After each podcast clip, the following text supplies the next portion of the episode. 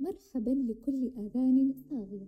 مرحبا ورحبا لكل جميل حامد. فرصة اللقاء تحققت وصوت الحروف تعالى. فكان ذلك التحقيق أن أقدم لكم تلك الحروف بدفء صوتي أنا فادية عبد الله فبمناسبة حلقة تحدث عن النعم أدرك نعمة وصول صوتي لكم وأتمنى أن تستشعروا كل كلمات هذه الحلقة. ففي البداية فراغك ذلك الذي تتسلى به لتستمع إلى سلسلة من المقاطع الصوتية نعمة. وركود حياتك الذي تتعجب منه نعمة. قد لا ندركها ولكن لا ننكرها.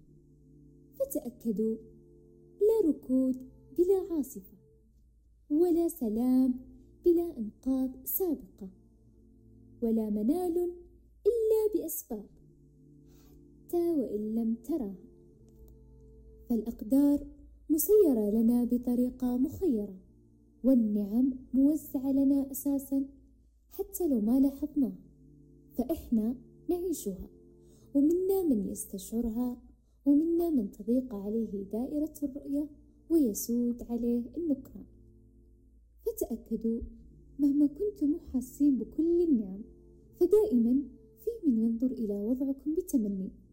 ومهما كنتم تعتقدون أن حياتكم بسيطة وأن المعاناة تلحقكم. ومهما كانت الظروف تحاوطكم ففيه جزء جميل من حياتكم مغطى عن نظركم. وظاهر. من أين ظاهر؟ ظاهر من زاوية أستطاع أن يسطو عليها زائر. إما أن الناس ليسوا قنوعين أم أنهم ما يلاحظون بسائط نعمهم. فحاول أن تخبئ أشياءك الجميلة نحوك وحاول أن تلاحظ أبسطها كي لا تفقدها لاحقا وتراها كما رآها ذلك الزائر في لحظته الناقصة أو الطماعة. يمكن الحين تفضلون أن يقاس تراكم كل هذا الكلام على أبسط تلك النعم عشان تقدرون تستوعبون حجم هذا الموضوع ومدى تأثيره على حياتنا.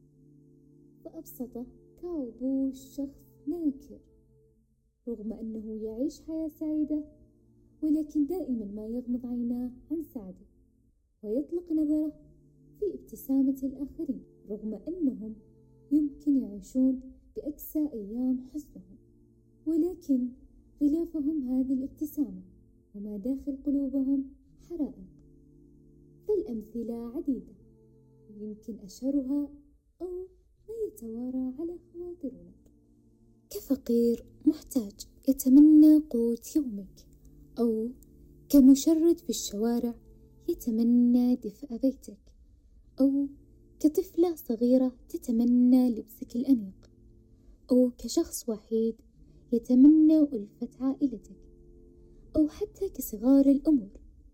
مجرد ما تتناول طعام شهي أمام جائع وإن كان هذاك الشخص قادر أساسا على أنه يشبع بأفضل من طعامك. أو حتى شخص كل أمور حياته على أكمل حال ولكن ما طالع لها أبدا. فللأسف إنه أطلق نظرة على ما عندك وترك ما عنده. فنتاج النصيحة أن نعتاد دوما على الحذر وأن تعتاد أفعالنا على المراعاة.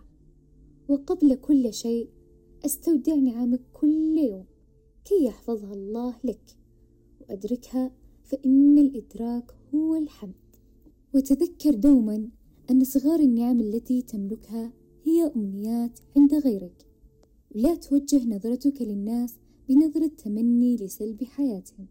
فإنك بكذا تنسى حجم نعمة حياتك المستقرة. فتمنى من الله دوام نعمك وأمنياتك ليس سلب حياة غيرك. فنعم اطمح لحياة أفضل ولكن مو بنكران حياتك وتمني حياة غيرك. فتأكد أن الله وزع أرزاقه بالعدل وما لدى غيرك هو استحقاق لنعمة ربك وما عندك أيضا ما تستحقه فالأكيد لن يظلمك الله بشيء. إلى اللقاء أحبتي في حلقة أخرى من بودكاست كفاح. بنصوص الكاتبة أميرة الشريف. ونحن بوجودكم حامدون.